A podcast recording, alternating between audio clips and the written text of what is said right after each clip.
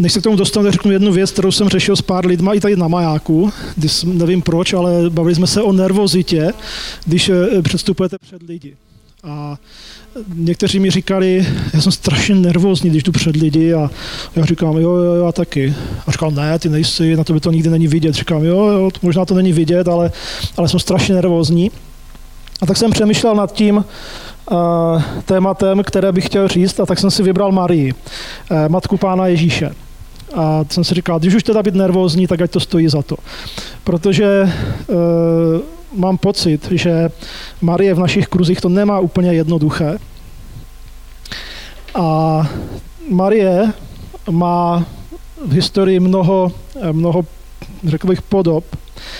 A zejména katolická církev tím, že, že Marii postavila eh, na nějaké významnější místo, než ji máme my, a ne vždycky s tím jednají moudře, tak eh, tak eh, s tím my na té druhé straně křesťanského světa máme trošku problém.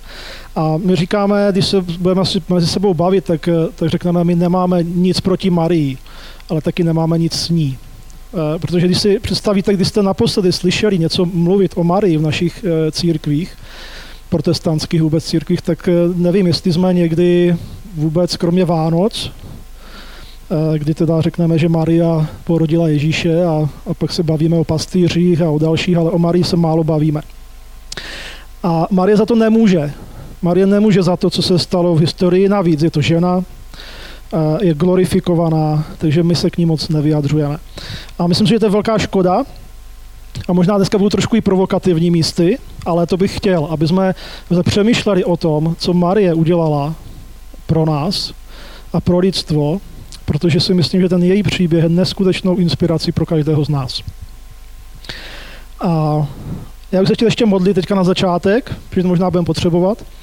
Pane Bože, tak ti děkujeme za to, že se můžeme dívat do Bible, kde vidíme spoustu, spoustu lidí, spoustu lidí, které zvedl, spoustu lidí, kteří šli za tebou a od kterých se můžeme inspirovat. A děkujeme ti za, za tvoji mamku, eh, která, eh, která tě přivedla na svět a teď tě prosím o to, aby jsme mohli uvidět něco nového do svého života, aby jsme se mohli něco nového naučit od ní a třeba být povzbuzení eh, do toho, co ty nám chceš říct dneska. Amen. A ještě než se dostaneme dál, než, než půjdu dál, tak bych rád eh, řekl takovou věc, eh, že jsem se díval na to, nebo studoval jsem trošku jak vlastně to má ta katolická církev, protože eh, člověk mnoho slyší a mnoho viděl a mnoho jakoby nazbíral, ale mnoho věcí je jenom o nějakých dojmech, o nějakých pocitech, o nějakém dojmu a my to často máme ve firmě, když se začneme bavit o něčem, jak to řekne, to vůbec nefunguje. Pak se podíváme na to, co ve firmě je důležité, to jsou čísla a zjistíme, že to perfektně funguje, že to byl jenom nějaký pocit nějakého člověka. A tak my to tak máme taky. My my často máme jenom nějaké pocity. A tak jsem se díval, no, poslouchal jsem některé přednášky, četl jsem nějaké materiály o, o tom, jak to e, katolíci mají. A, a zjistil jsem to, že ani katolíci nemají úplně jasno mezi sebou, jak to má být s Marií. A, a mnozí říkají, že, že to mnozí přehánějí a že Marie je postavená někde úplně někam, kam by neměla být postavená a je, je velmi, velmi glorifikovaná tam, kde nemá být. Což mě překvapilo, protože jsem si myslel, že, že to jsou v tom jakoby v pohodě a že to je jenom tou rozkročeností té církve, protože je veliká, tak si někdo to trošku posunul a že to nějak respektují, ale oni to nerespektují úplně ani mezi sebou. Teď často se dohadují o tom, jak to má být. Mnoho věcí jsem zjistil, že vychází z trošku možná jiného základu, než máme my a je dobré možná se na to někdy podívat, proč přemýšlí, jak přemýšlí. A, ale to co, to, co mi z toho vyznělo od těch autorit, které, které, jsem, které jsem poslouchal, tak bylo to, že to, co oni říkají, že Marie a to, když se bavíme o Marii, tak by to vždycky mělo vést ke Kristu. Že Marie by měla být, pokud něco, tak cesta ke Kristu. Což se mi docela mi přišlo sympatické. Takže dneska bych vám chtěl říct, co mě fascinuje na, na Marii, na tom její příběhu.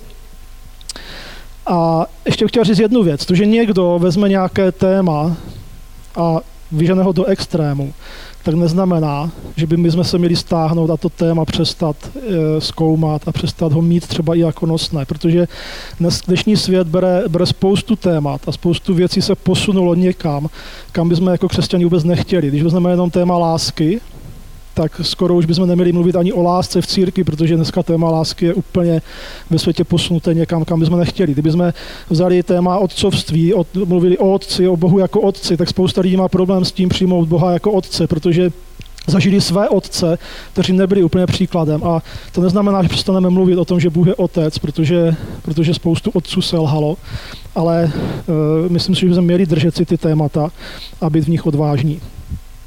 Takže uh, jeden text, který si dneska přečteme, který vlastně uvedl Marii na scénu celosvětových dějin. A tady ten příběh, který si přečtem, rozhodl o tom, že se dneska bavíme o Marii a že se 2000 let bavíme o Marii.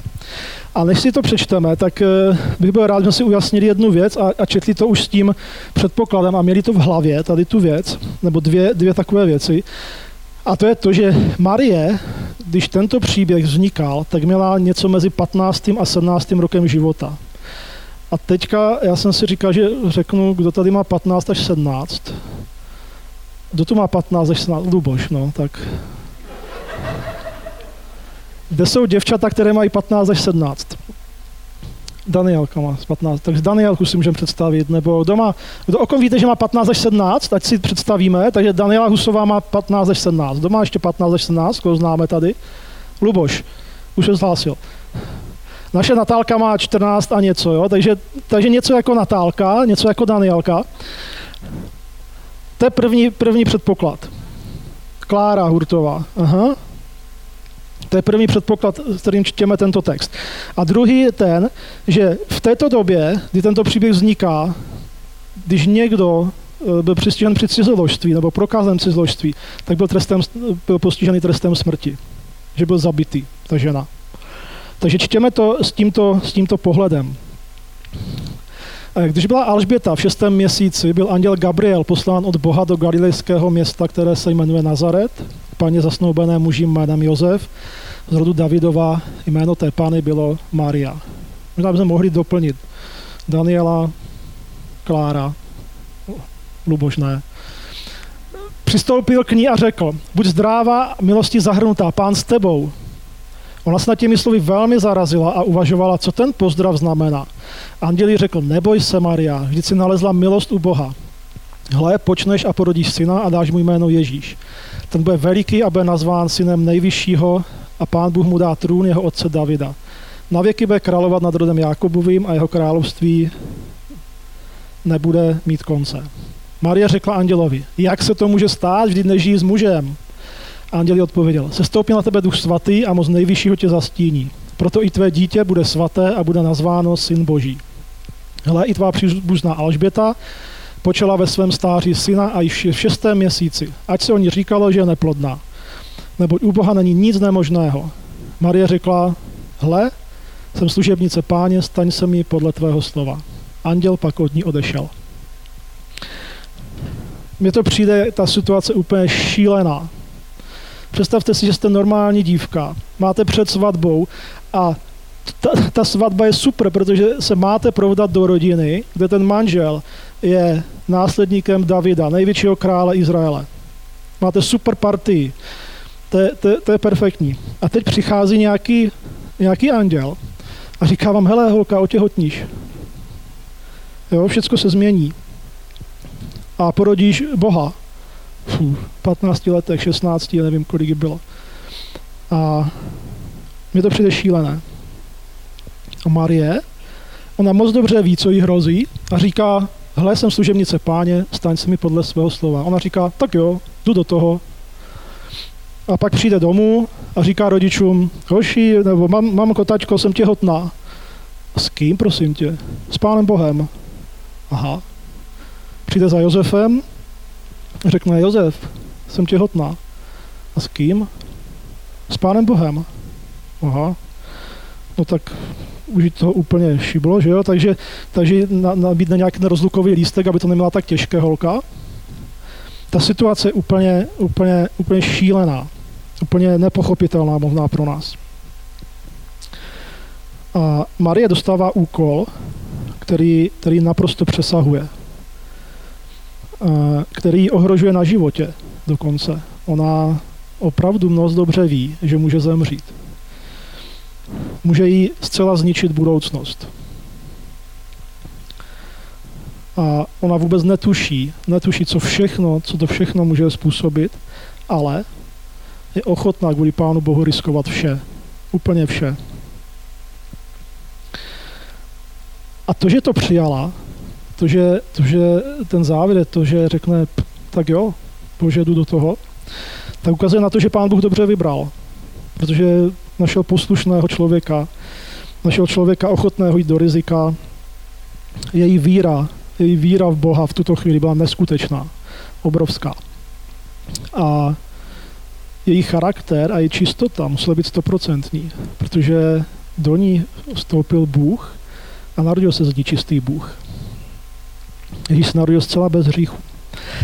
A co toto všechno, co toto všechno způsobilo v jejím životě? Tady je pár věcí, které mi napadly, které, které vidíme potom, eh, že se, že se staly v jejím životě.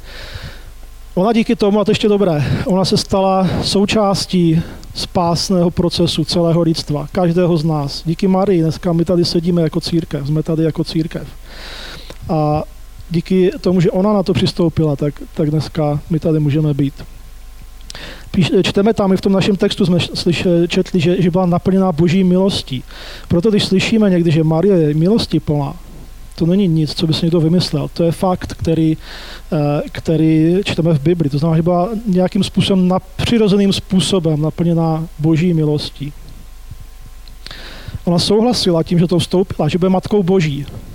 Opět termín, který nám úplně nezní dobře, ale, ale je to tak, prostě ona se stala matkou Ježíše Krista, stala se matkou Boha. Další věc, kterou, kterou jsme četli, je to, že ona jako první novozákonní člověk, a dokonce to byla žena, prožila neskutečně silnou zkušenost s Duchem Svatým. Protože jak se, jak se stala těhotnou? Že se stoupí Duch Svatý a zastíní moc nejvyššího. To znamená, že, že ona prožila velmi silnou, velmi silnou zkušenost s Duchem Svatým. Další věc, která, která se stala, je to, že, že nosila 9 měsíců, pravděpodobně 9 měsíců, nevím, jestli byl Ježíš předčasně narozen, nebo přesně v termín, nevím, jak to bylo, ale 9 měsíců nosila Boha a pak ho porodila. To znamená, že zase, když slyšíme, že je bohorodička, tak je to takový divný název, ale je to tak. Ona ho vychovala Ježíše, ona ho objímala, ona ho kojila, přebalovala, učila ho chodit, mluvit, chodit na záchod – všechno ho naučila jako dítě. Byla velmi významnou postavou. Potom už takové ty méně, méně eh, věci, které zažila díky tomu, že se do toho, do toho pustila, a to je to, že se stala vyhnancem. Že museli potom s Josefem, eh, s Josefem utéct do Egypta a oni tam nejeli tak, jako my tam jezdíme šnorchlovat a za pyramidama. Oni tam jeli proto, aby se vůbec zachránili svůj holý život, tak museli utéct. A to nebylo vůbec jednoduché. A, a taky se musela ve všem vyznat. A my, my tam několikrát čteme o tom, že, že Marie ty příběhy, které prožívala, tak pozorovala a přemýšlela nad tím, co to všechno znamená. Čteme to u toho, když, eh, když přišli, myslím, pastýři, když tam byli, tak, tak oni tam říkali nějaké věci, co zažili a čteme tam, že Maria rozvažovala, co to je. Potom, když Ježíš v chrámě jim říkal, jako co mě, proč mě nehledáte tam, kde máte, teď víte, že musím být tam, kde, tam, kde je to mého otce. Tak opět Marie rozvažuje o tom, co to všechno vlastně znamená. Velmi přemýšlí o životě, o tom, co to znamená. A nakonec, nakonec vidí svého syna umírat tou strašnou smrtí na kříži. A toto vše se v jejím životě najednou událo tím, že reagovala na boží výzvu, na boží povolání. Tak a teďka bych byl rád, nevím, jestli mě doteďka poslouchali mladí lidé tady v tom věku 14 teda, do věku, nevím, 25, jo? Tak řekněme, že dneska mladí lidé jsou tady od věku do 14, 25. Teď bych vám chtěl něco říct. Teď, já vím, že vy moc kázání někdy neposloucháte, údajně vydržíte 6 minut, takže to už je víc. Tak teď prosím vás poslouchejte, jo? Posloucháte? Jo, všichni mladí? Jo, Eliška poslouchá, dobré. A chtěl bych vám říct něco. A Co říká příběh Marie mladým lidem? Myslím si, že hrozně strašně moc. Eh, protože Bůh povolává mladé lidi do spolupráce. To je fantastická, fantastická věc. A povolává kluky, holky, dokonce Marii dal neskutečně těžký úkol, aby porodila Boha. A já jsem nad tím přemýšlel. A já, já si myslím, že, že pán Bůh, jaký je pán Bůh? Je, je mocný? Je všemohoucí? Co? Shodneme se na tom? Eh, existoval nějaký jiný způsob, jak mohl přivést Ježíše na svět? Co vás napadá? Řekněte, když jsme tady nás tak míň, tak řekněte, jakým způsobem jiným mohl Ježíš přijít na svět? Ano, Štěpán. No ale tak už se přihlásil. Tak, jak, co vás napadá? Mohl vytvořit jak Adama, přesně. No, ne, ne, ne, teď můžou jít starší, no, tak jo. Tak, dobře, mohl vytvořit jak Adama, co ještě? Pojďte, nebuďte takový zapšklí, však se známe všichni. Ještě jedno? Lusknutím prstu, takže a mohl tu být Bůh. Připlavat na řece, jak Mojžíš, jasné, řekl, jo, dítě, jo, sirotek, tak si ho vezmeme. Jo. A pak někomu mohl poslat sen, ček, to je boží syn, tak se o něho starej takhle. Aha, jasné. Třeba ho mohl přinést čáp, že jo. Nebo taky ale, taky mohl ale Bůh udělat to, já ti tady říkám ze záběru, taky mohl udělat to, že našel nějakou starší ženu, která neměla muže a mohl do něj vložit, vložit Krista. Ale ne, on to udělal tak, že, že to vložil do té 15-leté dívky. Bůh důvěřuje mladým lidem a v Bibli, když pokud čtete Bibli, tak to tam nacházíte. Máme tam spoustu mladých lidí, kteří měli velmi klíčové, eh, klíčovou úlohu v dějinách eh, izraelského národa, ať už je to Jozef, Samuel, Ester, apoštolové byli, byli mladí kluci, které si Ježíš vybral.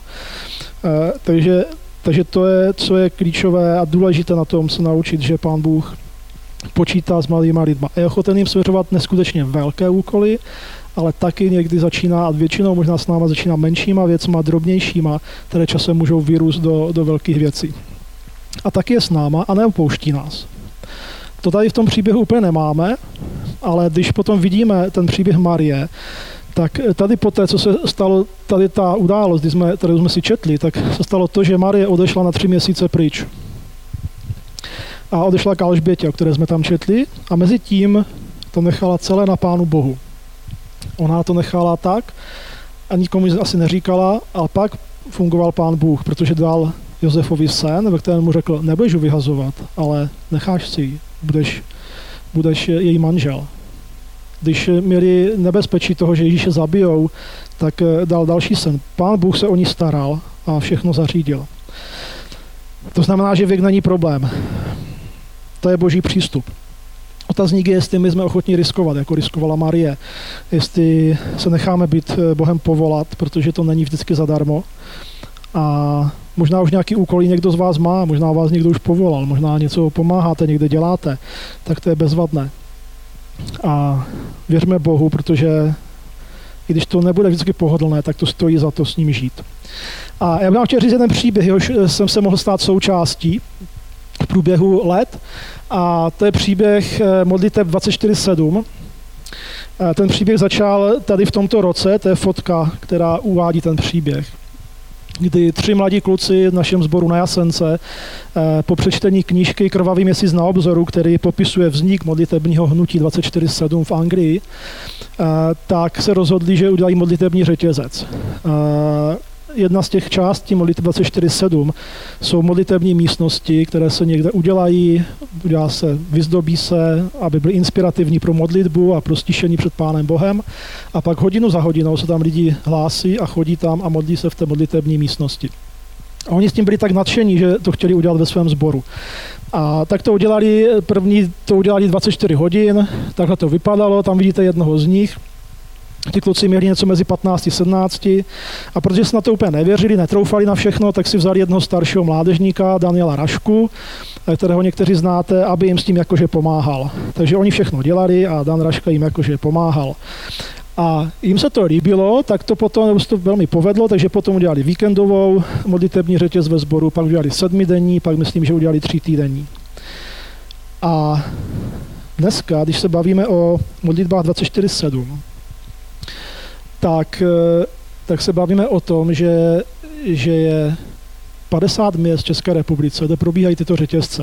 Protože co se stalo v průběhu těch řetězců na Vsetíně, je to, že pán Bůh zavolal Dana Raško do služby, aby, aby rozšířil tady tuto věc do celé České republiky. On nevěděl moc, co to znamená, ale nějak do toho vstoupil. A dneska tady všechny ty tečky znamenají nějaké města, vesnice, kde už někdy proběhly modlitevní řetězce, někde to bylo možná víkend, někde to bylo možná jednou, někde to bylo možná 20krát už. A třeba v Českém Těšíně to jednou bylo celý rok, kdy se lidé chodili modlit celý rok, hodinu za hodinou, do modlitební místnosti. Vydali se tři knihy o, o modlitbě. A během let vznikla myšlenka modlitebního karavanu, který jezdí po České republice do různých měst a jezdí s tím modlitební tým, který nabízí lidem na ulici modlitbu velmi civilním způsobem, není to taková ta agitace. A například minulý týden ve Frýdku místku, možná vám to bez znít jako úplně z sci-fi, ale tam se v sobotu stalo to, že lidé stáli, lidé z města stáli frontu na modlitbu. Je to neuvěřitelné. Tento víkend je to zase úplně jinak. Tento víkend jsou s modlitevním karavanem na festivalu Meziprostor. To je undergroundový festival. Tam nejezdí mnoho lidí, ale ti, co tam přijedou, tak jsou velmi zajímaví, ti lidé. Začalo to tak, že tři mladí kluci se rozhodli, že udělají 24 hodin něco. A dneska je zatím spousta obrácených lidí, mnoho proměněných lidí v modlitevních místnostech. Možná mnozí z nás jsme tam prožili velké věci. Ale co by se stalo, kdyby ti kluci si na začátku řekli, to je moc práce, ta, ta místnost je hrozně ve sklepě, kde si, vidíte jste tam to malé okýnko sklepní. Nebo by si řekli, a nás stejně ti staří nám řeknou, že to je blbost a, a že, se má, že, máme začít, že se máme modlit, ale že máme chodit do těch modlitebních chvílí a ty modlitební setkání, které oni zavedli před 30 lety a oni nás kritizují určitě. Ne, oni do toho šli.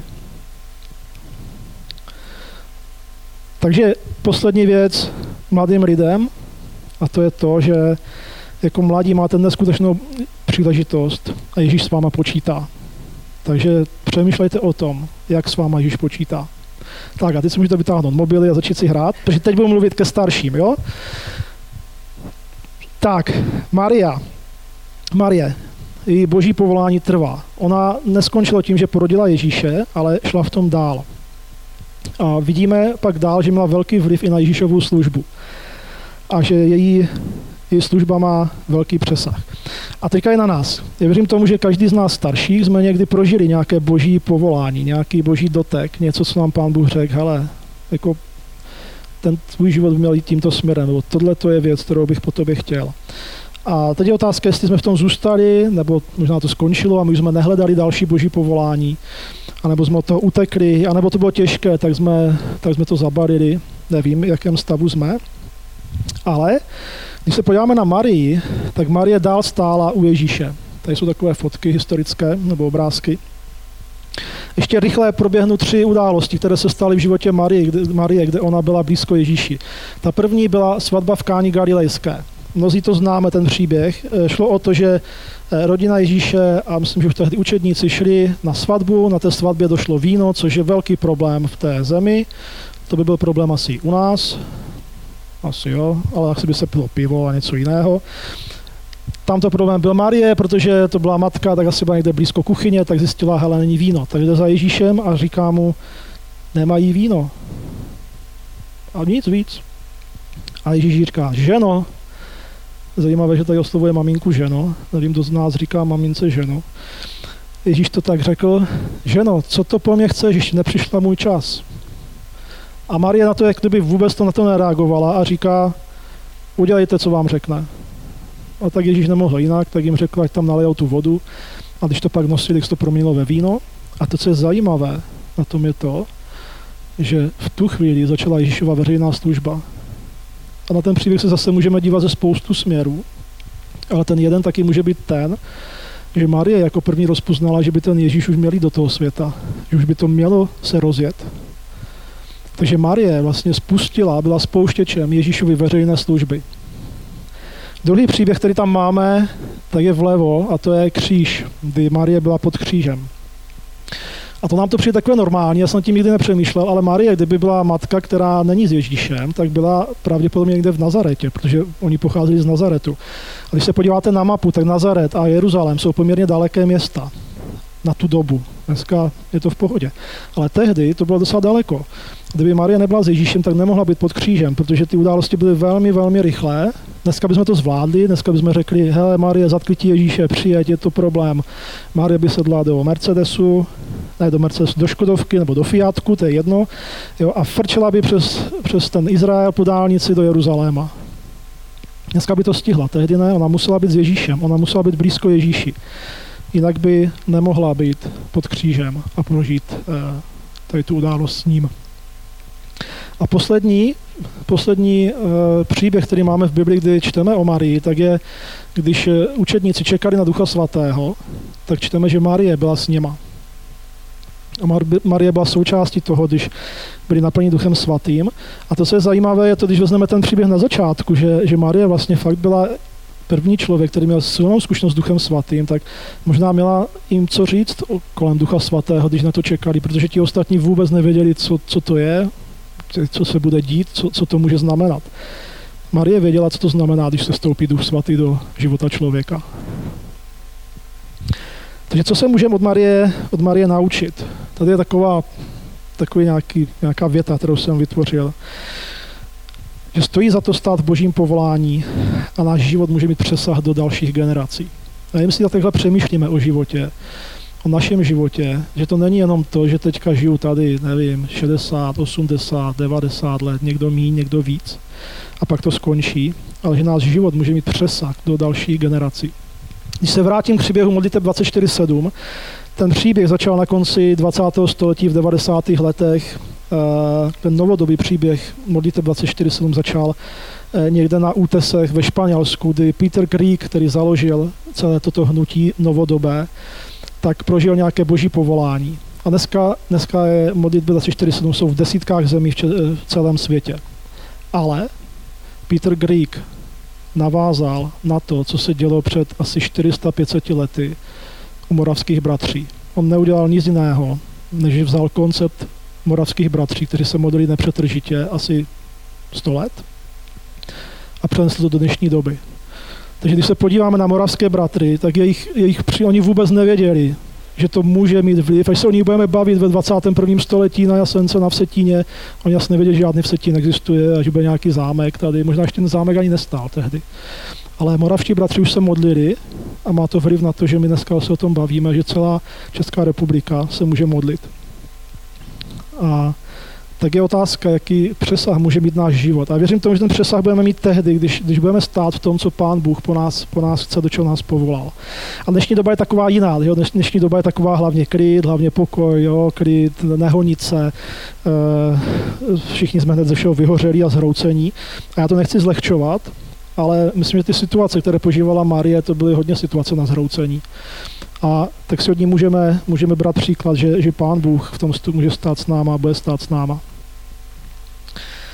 Takže to je moje přání pro nás. To je moje přání pro nás, abychom přemýšleli, jak náš život uh, může mít přesah do dalších generací. A možná to je velká myšlenka, ale věřím tomu, že když budeme stát v božím povolání, tak, uh, takže tam vlastně jsme. Uh, pane Ježíši, děkuji ti za to, že uh, se můžeme bavit o tvojí mamince, o tom, co udělala mm, pro nás, díky za to, že díky ní tady dneska jsme, i díky ní. Tak eh, tě prosím, abys nám ukazoval příběhy v Bibli, aby jsme viděli eh, v té velké šíři, které, kterou mají. Prosím o to, aby jsme eh, si brali od ní příklad toho, jak ona šla za tebou, jak ti věřila, jaká byla velká její víra, jak, jak tě následovala, jak zkoumala to, co se dělo v jejím životě a přemýšlela o tom, A tak tě prosím, aby my jsme každý z nás mohli vědět, kde ty z nás postavil, kde je naše místo, kde můžeme pomoct, kde ty chceš, aby jsme stáli a aby jsme neutíkali z toho tvého povolání pro nás, protože to je ta nejlepší cesta, kterou, kterou v životě můžeme, můžeme mít a to je to nejlepší místo, kde můžeme stát.